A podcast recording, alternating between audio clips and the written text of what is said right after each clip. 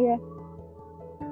Terus uh, harapan lu di umur 21 jadi gue nggak ada harapan yang muluk-muluk yang penting gue sehat sehat secara mental sehat secara badan terus juga gue nggak toksik buat diri gue dan buat orang lain terutama buat diri gue sih tapi orang lain juga penting yeah. kayaknya ya kalau gue toksik buat orang lain juga kayaknya jelek ke diri gue sendiri juga gue pengen. Iya. uh, apa ya nggak sih ini cuma keinginan gue nanti kali ya. Gue pengen banget keliling dunia tapi gue nggak tahu. Bisa nggak ya? Bisa nggak? Gue pengen bisa. gue pengen kerja terus bisa. kerja habis itu punya rumah. Gue gue nggak hmm. gue nggak pernah memprioritaskan transportasi terserah lah masih ada gojek dan lain-lain. Gue tuh yang penting punya rumah gitu. Karena iya. menurut gue rumah tuh gimana gue bisa istirahat gue bisa ya gue bisa ngapain aja di rumah gue gitu karena fungsinya rumah hmm. ya buat pulang. Nah hmm, benar. karena kalau transportasi kan gue masih kayak yang gimana ya? Ya gue juga nggak terlalu ya emang transportasi butuh tapi kayak masih ada transportasi umum gitu. Ya, gue itu kan kalau nggak ada iya. rumah. Masih ada kan gitu ya? Itu sih. Kalau rumah kan kalau lu ngontrak tapi lu punya motor gitu kayaknya gimana sih kalau menurut gue ya, tapi gue sih rumah dulu emang. Ya ya pokoknya rumah di gue satu di kalau lu apa? Hmm gua? Ya harapan gua 21 ya. Gua pengennya sih kalau misalkan gua emang belum lulus gitu ya sampai 2021 gua pengennya sebelum lulus gua udah dapet kerjaan dulu sih.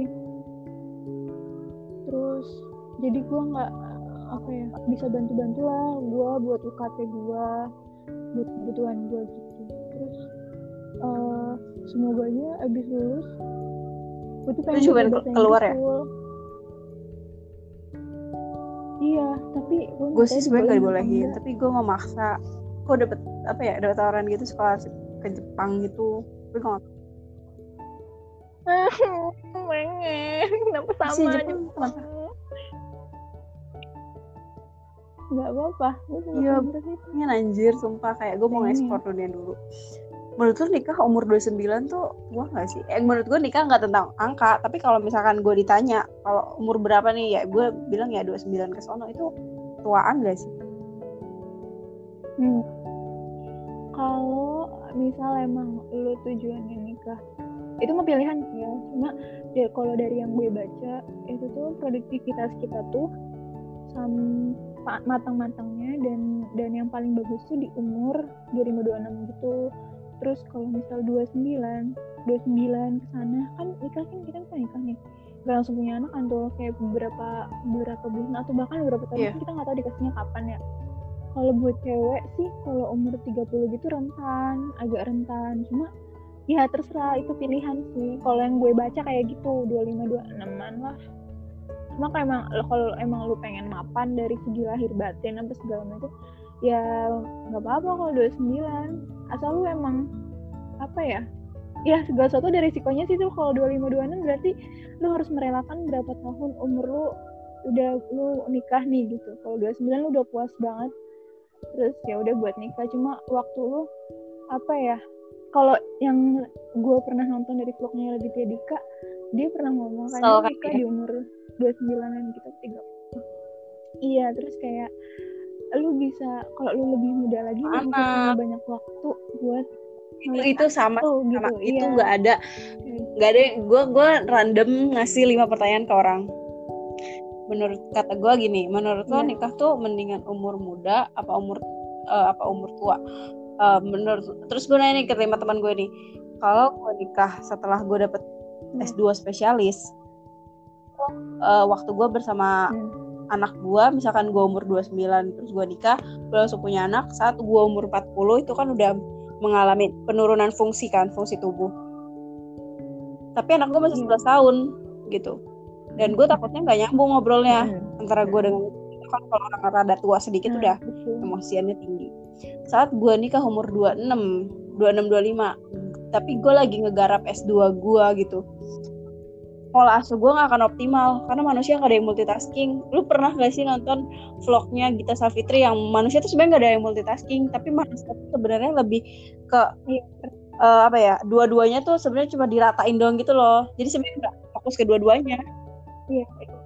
Ya satu hal doang satu gitu. hal doang sebenarnya nah itu terus lima kontak teman gue yang gue kasih pertanyaan itu gak ada yang bisa jawab. Gimana? Jadi gue tuh bingung sebenarnya itu kayak pilihan hmm. gitu ya pilihan. Iya pilihan hidup. Ya ada semuanya tuh ada ada ininya ada resikonya. Kalau emang lu mau milih segini berarti apa? Segini apa gitu. Emang lu udah metain gitu ya? Kayak gue udah sini harus sini segini gitu. Udah jadi gue lulus umur dua satu nih sarjana gue udah satu. Gue ngambil spesialis September eh spesialis. Profesi September sampai nanti Juni Juni tahun depan 2021 berarti gue umur dua dua dua dua dua gue udah profesi udah nurse terus gue mau kerja mau kerja di daerah Tangsel lah daerah Tangerang kayak daerah mana lah tiga tahunan. Itu berarti umur gue udah 25 umur 25 terus gue pengen keluar keluar lah dua tahun tahunan rata-rata sih scholarship satu, satu tahun dua tahunan. Iya itu umur gue udah tujuh.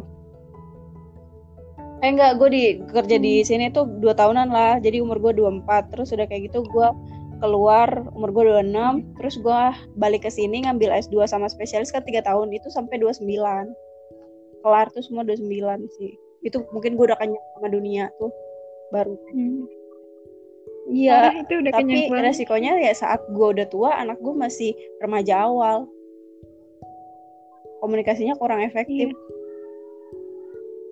kalau gue pilih bisa gak sih kayak waktu ya udah deh itu mah pilihan lu ya. Lu iya kalau lu gimana? mau gimana.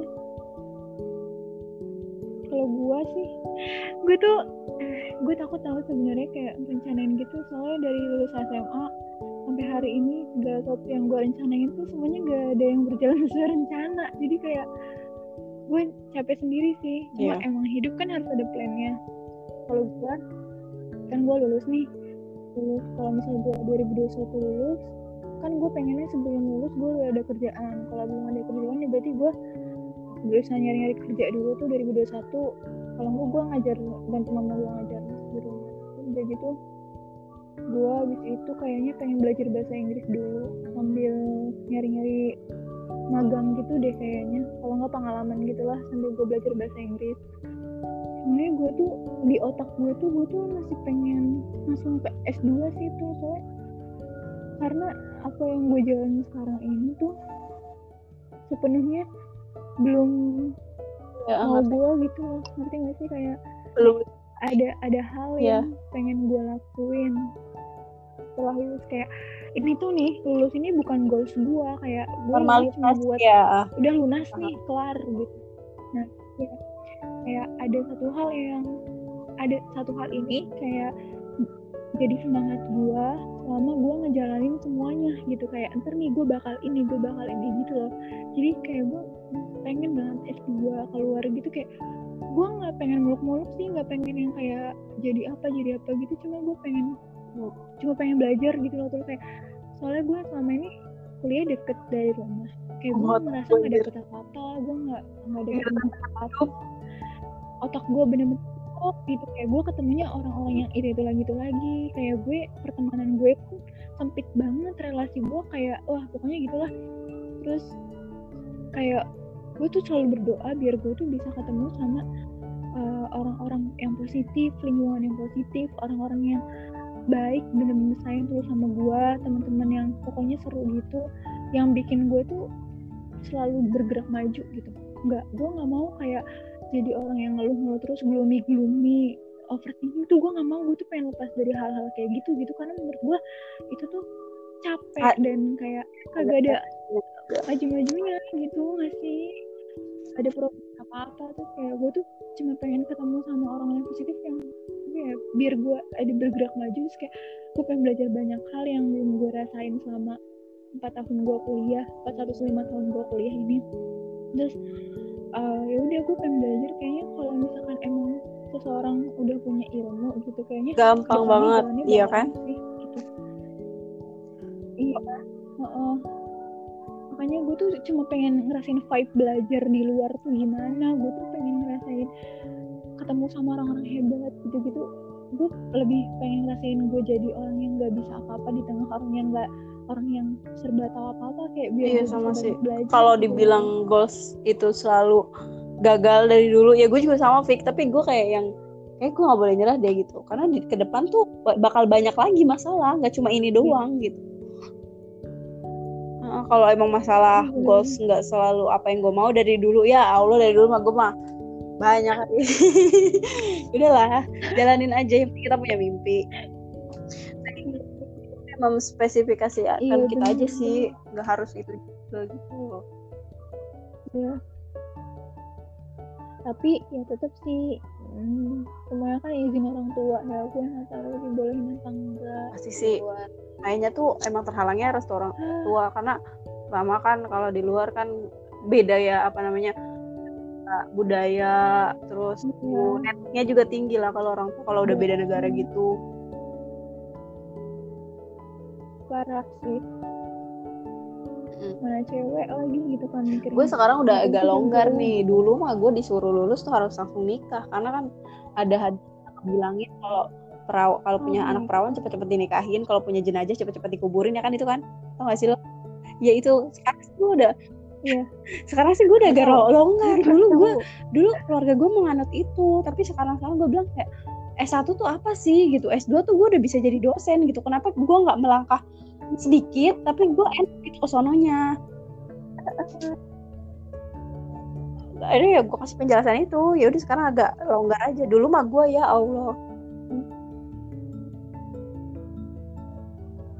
Kalau gue sih gue masih di tahap untuk mengkomunikasikan sih. Soalnya gue ngerasa gue udah di kode-kode terus buat jangan jauh-jauh. Lu anak pertama ya? Jauh-jauh gue tahu tapi iya gue tahu khawatirannya kenapa cuma gue ngerasa kalau gue di sini sini aja gue gak ada perkembangan tuh kayak gini gini aja karena kita tak, tak bosen gitu. cepet bosen karena gue ngerasa iya kayak gue ngerasa kayaknya gue masih ada kapasitas buat maju iya. kalau gue nggak maju iya. lagi gitu loh kenapa gue nggak manfaatin apa yang ada dalam diri gue gitu kok soalnya gue ngerasa semuanya belum keluar gitu bener-bener belum puas kita tuh kayak umur doang gede tapi umur doang tinggi tapi tuh kita pengalaman sedikit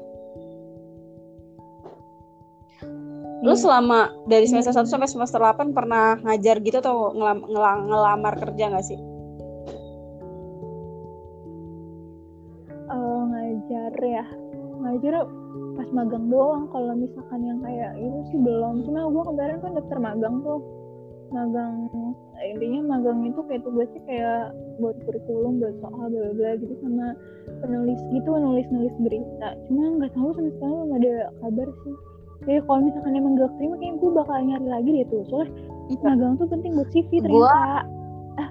gue dari semester dua tuh gue ada semester dua gue ditarik sama kampus buat uh, ini apa namanya ada ngajar apa gitu gue nggak tahu gue lupa. Terus itu gue dapat penghasilan dua ratus ribu sebulan. Terus udah kayak gitu hmm. gue mogok tuh mogok mogokan terus akhirnya uh, tapi berjalan berjalan tapi gue kayak rada males gitu kan kalau kampus tuh kayak gue apa sih? gitu kan. Terus semester iya, iya. lima enam gue kerja eh gak gak kerja gue iya gue kerja kerja di tau PIC gak sih lu? Tempat kursus PIC yang English. Nggak tahu. Iya itu gue kerja di situ itu lima puluh ribu sehari. Lu tau nggak? Dari jam 7 pagi sampai jam 7 malam. Iya ngajar-ngajar anak kecil lo tau kan? Annoyingnya anak kecil gimana? Itu pengalaman sih gue nggak gue emang di situ gue bilang gini jadi kan teman gue lagi uas gue bilang ya udah gue gantiin gue nggak niat duitnya tapi gue cuma kayak pengalaman aja gitu. Terus mm gue semester kemarin semester kemarin gue juga ini di English Cafe jadi admin. Itu lima ratus ribu sebulan gue gue gue kuat sebulan mm. doang sih. Eh enggak satu juta sebulan tapi gue kuat setengah bulan. waktu waktu lu tuh longgar ya? Maksudnya ada jedanya lu panjang itu sampai lu bisa ngajar gitu maksudnya ada waktu buat ngajar part time online Hmm. Jadi gue kan oh, kuliah di jam 8 nih. Itu terus Iya jam 8 Kalau Jakarta tuh sebenarnya kalau nyari kerja tuh gampang. Cuma karena jadwal praktek gue sama jadwal kuliah gue tuh nggak nentu. Kayak ribet. Nah sedangkan jadi admin tuh enak. Jadi cuma megang HP doang. Hmm.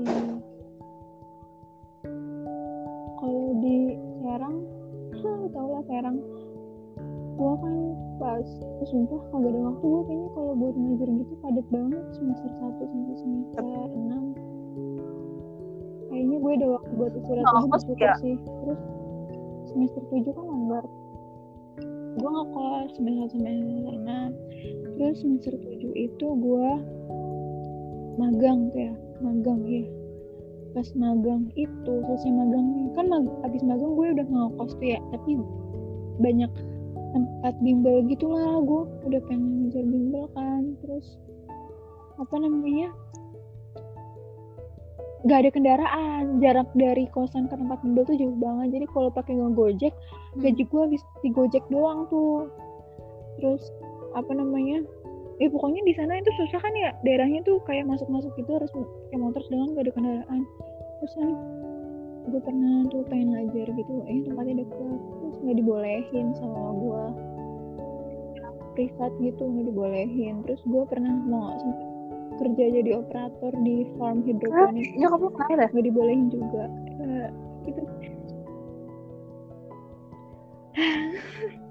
Banyak aku nggak ngerti gue kayak banyak pertimbangan yang menurut gue juga nggak ses nggak segitunya gitu. Maksudnya keadaan di luar nggak menyeramkan itu gitu loh.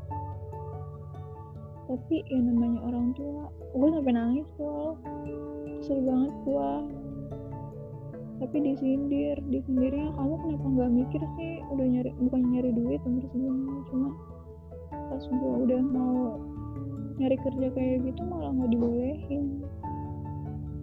Ya udah ya gue mungkin ada nanti Enggak. Ah, ini dikat ya? Ini dikat ya? Jangan dikat. Eh, eh ada kan nyimpennya di lu. oh iya ya, badal. Tapi apa sih yang bikin lu bersyukur iya, sampai sekarang gitu kok di apa ya di posisi lu sekarang gitu? Apa yang bikin lu bersyukur di posisi lu sekarang? Apa?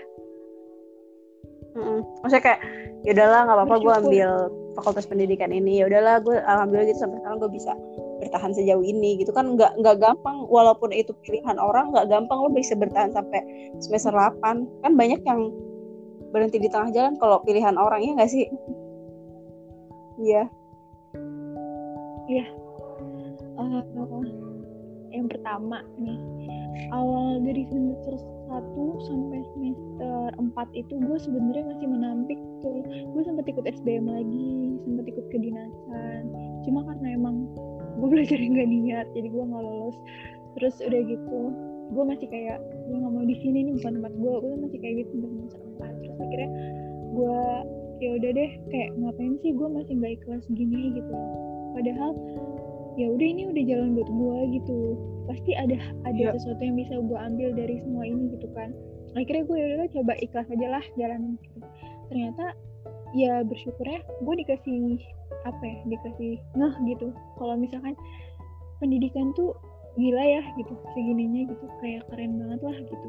Cuma stigma orang terhadap profesi pendidik dan segala macam itu masih sih karena Indonesia ya? bener-bener kayak, kayak apa ya nggak kurang aware lah. Iya. Uh, sedih nggak sih? Sedih banget sih kalau gue kalau gue ngerasa magang itu capek banget ngajar berapa itu gila capek banget anjir. Udah gitu kan satu kelas aja uh, ngadepin orang-orang yang macem-macem gitu SMA kan gue megangnya. Uh udah tuh ya lah. Maksudnya gila ya jadi guru capek banget. Kalau lu pengen jadi guru yang bener bener guru itu capek banget. Kalau lu bukan cuma pengen ngajar cuma pengen pendidik gitu ya. Pengen mendidik juga itu susah banget. Dan lu harus mikirin kayak semalaman aja nih lu balik abis ngajar lu nggak bisa tidur tenang gitu loh. Tuh kayak mikirin gue besok ngajar harus gimana ya? Biar si anaknya ngerti ini gimana ya? Biar biar ini tuh materinya bisa sampai. Itu segala macam itu kan kayak mikir parah banget ya udah gitu di lapangan tuh nggak sesuai sama karena takut gagalnya kayaknya gak sih kalau guru gitu. Jadi gue di situ iya banget sih awal-awal. Cuma ujung-ujungnya ya tuh kalau udah terjun itu kalau udah terjun tuh lu tuh bukan masalah materi jadinya kayak masalah lebih ke sikap sih. Kalau misalkan kita udah bisa mengkondisikan sikap anaknya gimana mau materi sesusah apa pun pasti nyampe gitu loh materi gimana pun pasti nyampe. Jadi kayak yang pertama itu sikapnya lu dikondisi. Nah sedangkan buat ngondisin sikap anaknya suasana belajar yang kondusif apa segala macam tuh gue gampang. Anak SMA susah banget. Awal puber. SMA SMA tuh kan kayak iya. Nah iya terus kayak udah mulai berani lawan kan. Omongan itu kayak ada aja gitu dalihnya. Gitu susahnya. Saya di situ. Terus udah gitu ya udah sih gue kayak dapet pelajaran banyak. Terus kayak kenapa gue bisa bersyukur ya gue jadi tahu gitu kayak guru tuh gila ya berharga banget jasanya tapi saking beratnya saking beratnya profesi guru tuh gue ngerasa eh gue nggak sanggup gitu. Gue nggak mampu. Kalau dulu gua, dulu jujur gue mikirnya kayak ih yeah. guru nggak mau jadi guru lah kayak gitu doang gitu. Sumpah serius dulu gue sempet mikir gitu. Tapi pas udah gue itu pikiran tuh gue kayak enggak gue mau jadi guru karena gue nggak sanggup gitu. Kayak gue belum cukup mampu gue jadi orang yang lu tau gak sih guru itu harus mengajarkan hal baik selalu yeah, mengajarkan bener. hal baik padahal belum tentu dirinya baik. Itu tuh susah banget loh susah banget. Kayak lu tuh harus ngajarin cara menghargai orang cara buat ini buat itu buat sabar apa segala macam. Tapi lu belum tentu kan diri lu kayak gitu. Sedangkan kalau lu ngomong kayak gitu ke murid lu tuh ngerasa kayak menang iya kayak gitu itu sesuatu tapi sebenarnya bukan itu yang kita tampilin. kayak kita nampilin sesuatu tapi yang kita tampilin. Itu ya bohong banget. Iya bohong banget. Terus gue makanya gue uh, selalu bilang gini apa sih namanya uh, kayak gue pertama masuk kelas tuh gue ngomong di sini lu pernah dengar gak sih kayak guru tuh nggak selalu iya. benar yeah. orang tua nggak selalu benar gitu nggak pernah dengar gak sih? Nah itu gue berusaha menanamkan itu sih ke murid-murid yang gue ajar pas kemarin itu jadi kayak saya tuh di sini sama-sama belajar sama kalian gitu loh. Saya belum tentu saya mengajar di sini saya serba tahu gitu. Ya, tapi saya juga belum belajar bareng kalian malah saya di sini mungkin 99% belajar satu persennya ngajar gitu. Soalnya iya sama aja. Kita sama-sama cari ilmu di sini dulu jadi kalau misalkan ada yang hal-hal yang saya nggak tahu ya kasih tahu gitu.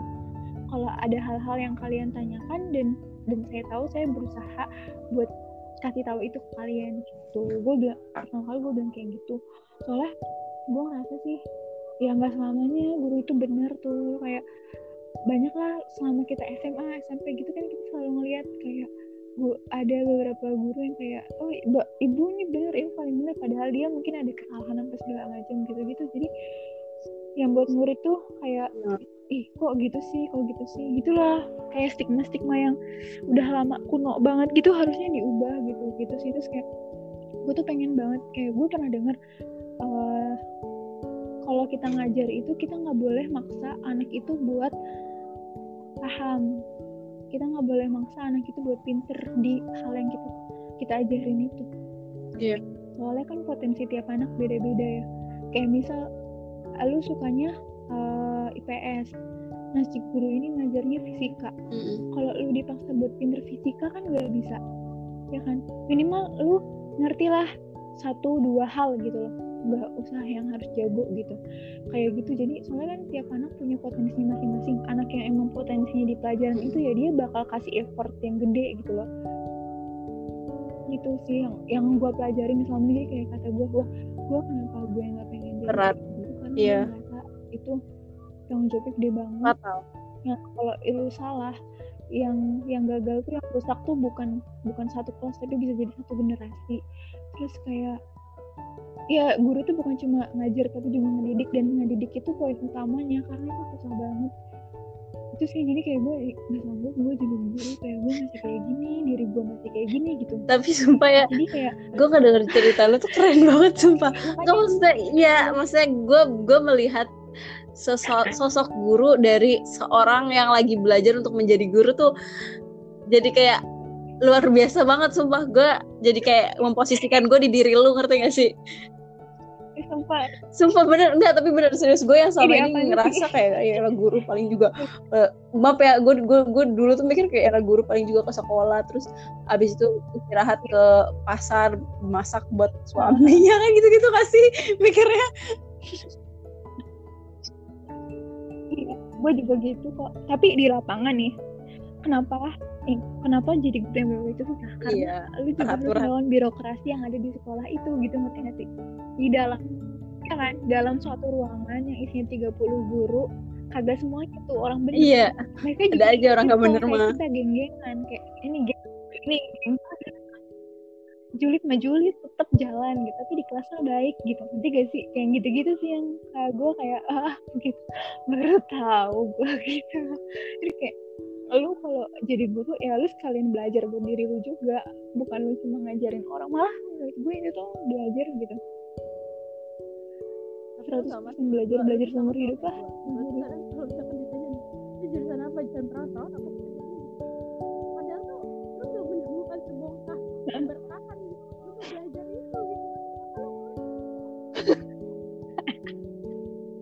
eh coba lu jangan jauh-jauh banget tapi enggak sih sekarang kayak biasa aja.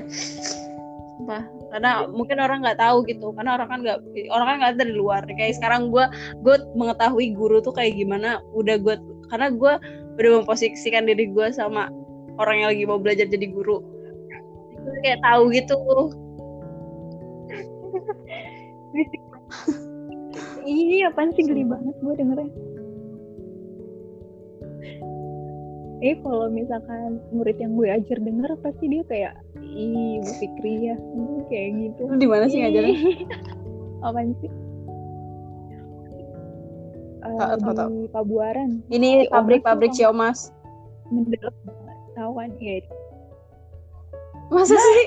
Gak di gue dulu di pabrik Siomas oh di Komas. Di Komas. Sumpah gue asal banget itu gunung semua isinya. Kayak lu apa sih bisa? Tapi kok si Vanessa bisa sih di nebal? gitu tuh.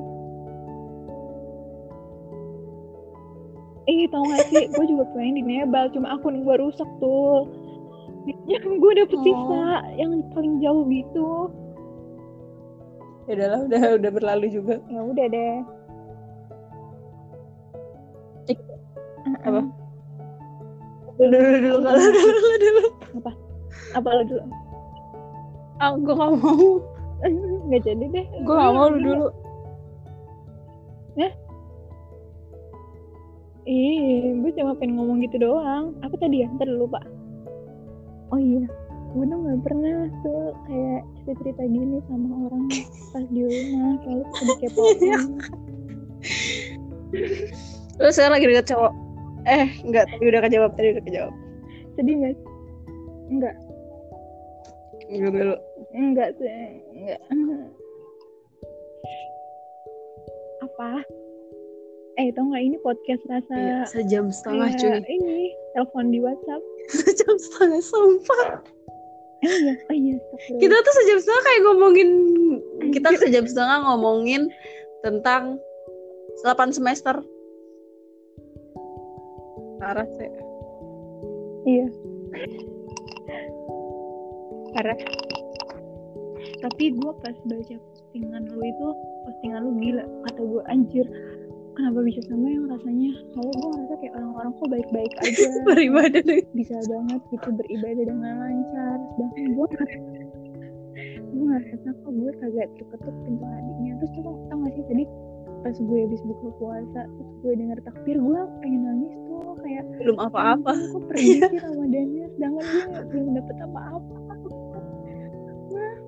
Terus gue ngerasa ya Allah semoga ada hal yang bisa gue ambil gitu loh dari sebulan ini. Menurut lu menurut lu covid 19 Jadi, tuh ini gak sih apa namanya konspirasi gak sih JRX kali? Ya kagak coba iya pasti gue rasa enak tau ngomongin konspirasi gitu. Apaan sih? Ih, ih jelas. Gitu gak sih? Kayak ini tuh ya emang udah dikasihnya penyakit begini gitu loh. Kayak udah emang masanya begini konspirasi dari mana? Orang iya apaan sih orang-orang males banget gue enak. Terus kayak dengan dalih konspirasi Iya. jadinya kayak ada yang menyepelekan Gara-gara gitu kan. terus kayak ih males banget tahu ih kok bisa bisanya sih di masa-masa sekarang ini ada yang mikir kayak gitu gitu Kok ada gitu gitu. kebodohan gitu? iya konspirasi Hah? Gitu.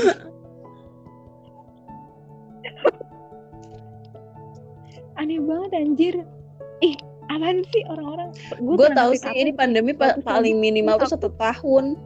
untuk konspirasi. Yang SARS sama MERS Iya. ya. kayak dulu pernah ya katanya ya Mm. Sama MERS terus kalau itu kalau yang dari yang gue baca katanya sih ya selandai-landainya kurva gitu sebersih bersihnya Kayak TBC sih, satu, kayak TBC dua- gak sih? tiga orang gitu yang kena kayak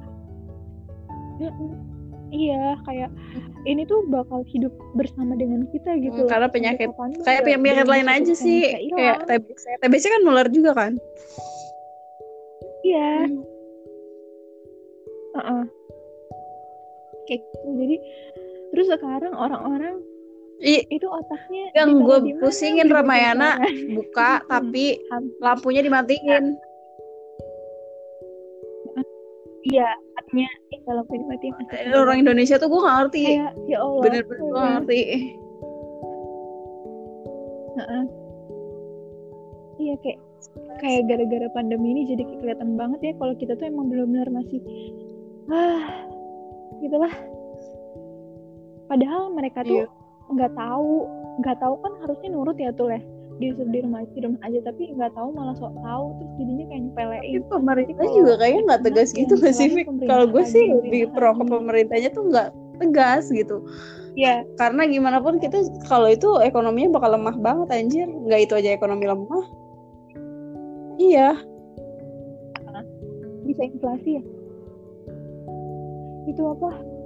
Kayaknya pemerintahnya juga bingung gitu loh. Kayak masih gelagapan ini harus diapain gue terus kayak semua langkah yang di yang diambil itu kurang diperhitungin.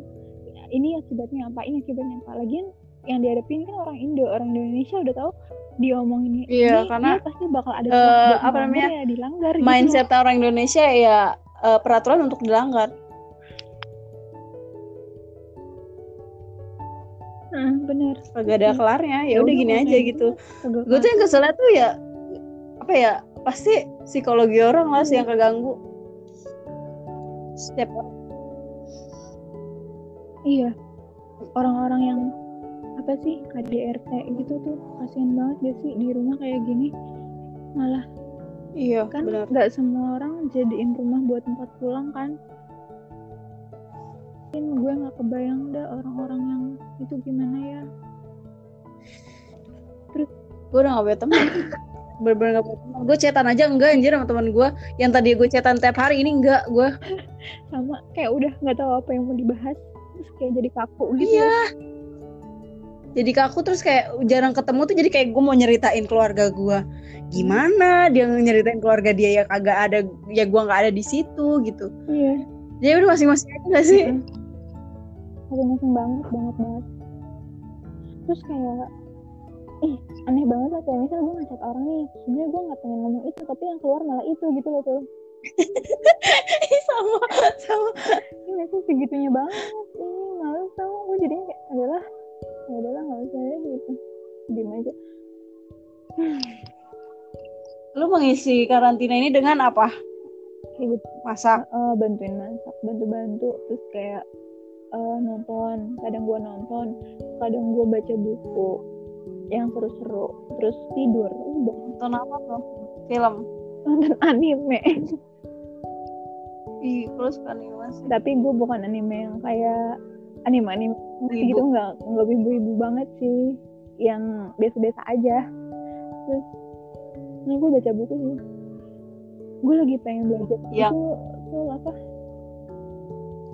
eh gue lagi belajar lagi apa? sering dengerin Kurai Sihab kan. Soalnya gue seneng penyampaiannya itu kayak adem dan ringan gitu. Jadi gue paling kayak kalau gue dengerin dia gue jadi rada adem gitu loh. Kayak oh ya udah. Itu main tiktok? Enggak. Allah oh, probot suruh joget mana bisa? Kagak maksud gue uh, ngeliat-liat doang. Gue juga gak joget-joget ngeliat doang. Paling gue liatin di IG sih. Kan suka lewat-lewat tuh gue lagi pengen nyobain ini sih diamond painting itu tau gak sih? tahu. Itu sumpah kayaknya seru Apaan sih? Kan gue gak bisa gambar hmm. tuh. Diamond painting. Jadi lu nge apa namanya ngegambar tapi kayak ngecocok-cocokin da ini diamond-diamondnya gitu ke itu. Murah sih di Shopee ada 67 tapi belum gue beli. Gue masih ragu. Ya udah tuh isi sama yang kayak gitu-gitu aja sih yang seru-seru biar gak overthinking. Iya. Seminggu lagi. Seminggu lagi guys. Gue kayaknya abis lebaran harus menggarap skripsi deh. Udah dua bulan gue kayak orang stres gue tinggal gitu. Gue udah gue janjiin berapa hari nih. Ayo dong, ayo dong. Gue nyemangatin diri sendiri kan gak ada yang nyemangatin. Tapi susah emang. Kalau nggak niat tuh susah tau. Emang, emang. Harus. Tapi gue tuh tipikal orang yang kalau nggak kalau nggak niat nggak akan gue lakuin tapi sekalinya niat gue bisa ngegarap itu dua hari. Ya iya lu kalau mau kerja lama lu juga butuh rehat yang lama gitu gak sih? Iya. Lu gitu juga gak sih? Apa gue doang ya? Iya, gue gitu. Dan itu jelek banget tuh kayak gitu.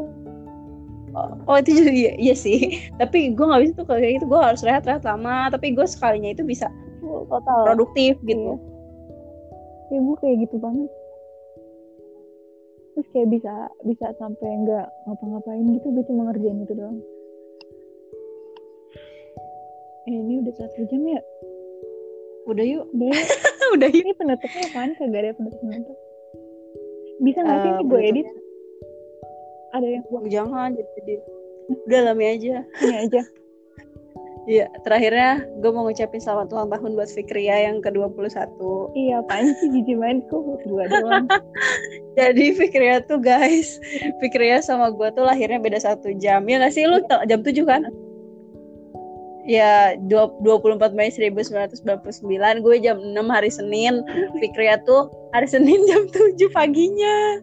Jadi gue beda sejam sebenernya gue beda anak kembar. Ya ampun beda rahim. gak nyangka banget gak sih? Gue tau kaget tau. Karena gue gak nemu bisa? Iya. Eh gue mau gue mau cerita ya. Gue dari kecil sampai sekarang gue kalau satu lingkungan selalu ada temen gue yang sama. Hmm? sumpah nih gue pertama TK ada teman gue yang 24 Mei gue lupa namanya siapa. Terus SD ada namanya Kiki juga sama. Uh.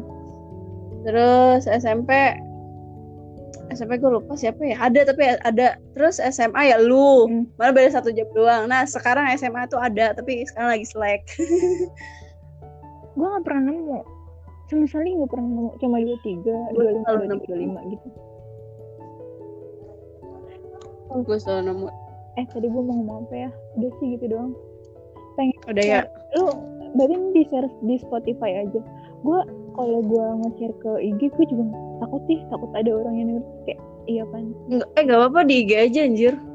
Tapi kayaknya gue mau nge-hide berapa orang dulu deh. Iya gak apa ya udah deh. Oke, okay, makasih. Kok makasih sih? Selamat selamat tanggal 24 besok. Iya, selamat hari kita sedunia. Oke. Okay. lupa izin mohon maaf lahir dan batin. Maaf banget ini dusun bikin podcast kayak call di WhatsApp. Udah gitu aja. Lain kali kita bakal menata omongan kita guys. Iya. Oh, maaf. Kalau ada yang tersinggung niat kita nggak nyinggung cuma gibah. Niat kita cuma sharing. Iya gitu. Pokoknya ini unfaedah banget sih. Tapi semoga kalau misalkan emang ada faedah yang bisa diambil ya alhamdulillah ambil aja ambil aja. Ambil aja kita udah nggak butuh. Ya kayak gitu aja. Gue udah lama banget nih ngunci pintu kamu assalamualaikum. Waalaikumsalam. Eh itu eh, bentar deh. Tadi tadi gue nggak klik apa ya batalkan? Eh nggak tahu. Tadi yang ke save itu gue nggak klik batalkan kan? Yang pertama itu coba yeah, yeah. dulu batalkan dulu batalkan dulu gitu ya? Iya, yeah, iya, kalau nggak ke save kan kocak aduh saving gimana lagi coba tanya temen lu nge-save gimana tuh tadi tapi tadi gitu batalkan iya terus your recording is done processing kayak gitu bacaannya iya dong apa batalkan dulu deh Eh, udah ya pasrah kalau emang nggak ke save ya udah ya. Kalau itu nggak apa-apa kita mengeluarkan rekan-rekan. Ya udah. Bismillahirrahmanirrahim. Assalamualaikum. Waalaikumsalam.